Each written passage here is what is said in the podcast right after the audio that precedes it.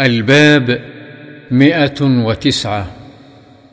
باب استحباب الأكل بثلاث أصابع واستحباب لعق الأصابع وكراهة مسحها قبل لعقها واستحباب لعق القصعة وأخذ اللقمة التي تسقط منه وأكلها وجواز مسحها بعد اللعق بالساعد والقدم وغيرهما. عن ابن عباس رضي الله عنهما قال قال رسول الله صلى الله عليه وسلم إذا أكل أحدكم طعاما فلا يمسح أصابعه حتى يلعقها أو يلعقها.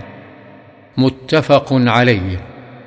وعن كعب بن مالك رضي الله عنه قال رأيت رسول الله صلى الله عليه وسلم يأكل بثلاث أصابع فإذا فرغ لعقها. وعن جابر رضي الله عنه أن رسول الله صلى الله عليه وسلم أمر بلعق الأصابع والصحفة وقال إنكم لا تدرون في أي طعامكم البركة. رواه مسلم.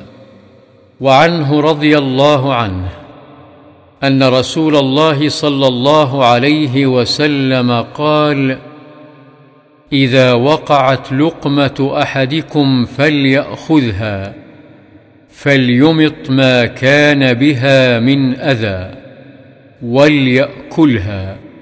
ولا يدعها للشيطان ولا يمسح يده بالمنديل حتى يلعق أصابعه فإنه لا يدري في أي طعامه البركة. رواه مسلم. وعنه رضي الله عنه أن رسول الله صلى الله عليه وسلم قال إن الشيطان يحضر أحدكم عند كل شيء من شأنه حتى يحضره عند طعامه.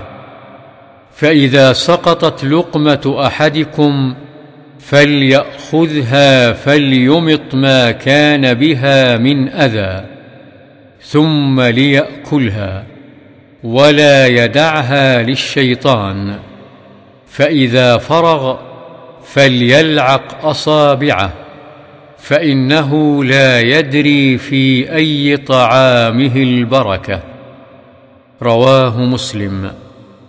وعن أنس رضي الله عنه قال كان رسول الله صلى الله عليه وسلم إذا أكل طعاما لعق أصابعه الثلاث لعق أصابعه الثلاث وقال إذا سقطت لقمة أحدكم فليأخذها وليمط عنها الأذى وليأكلها ولا يدعها للشيطان وأمرنا أن نسلت القصعة وقال إنكم لا تدرون في أي طعامكم البركة رواه مسلم.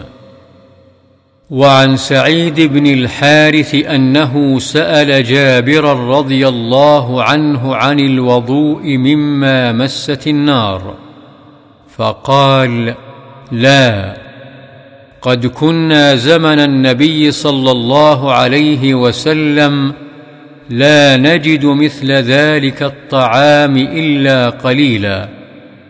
فإذا نحن وجدناه لم يكن لنا مناديل إلا أكفنا وسواعدنا وأقدامنا ثم نصلي ولا نتوضأ.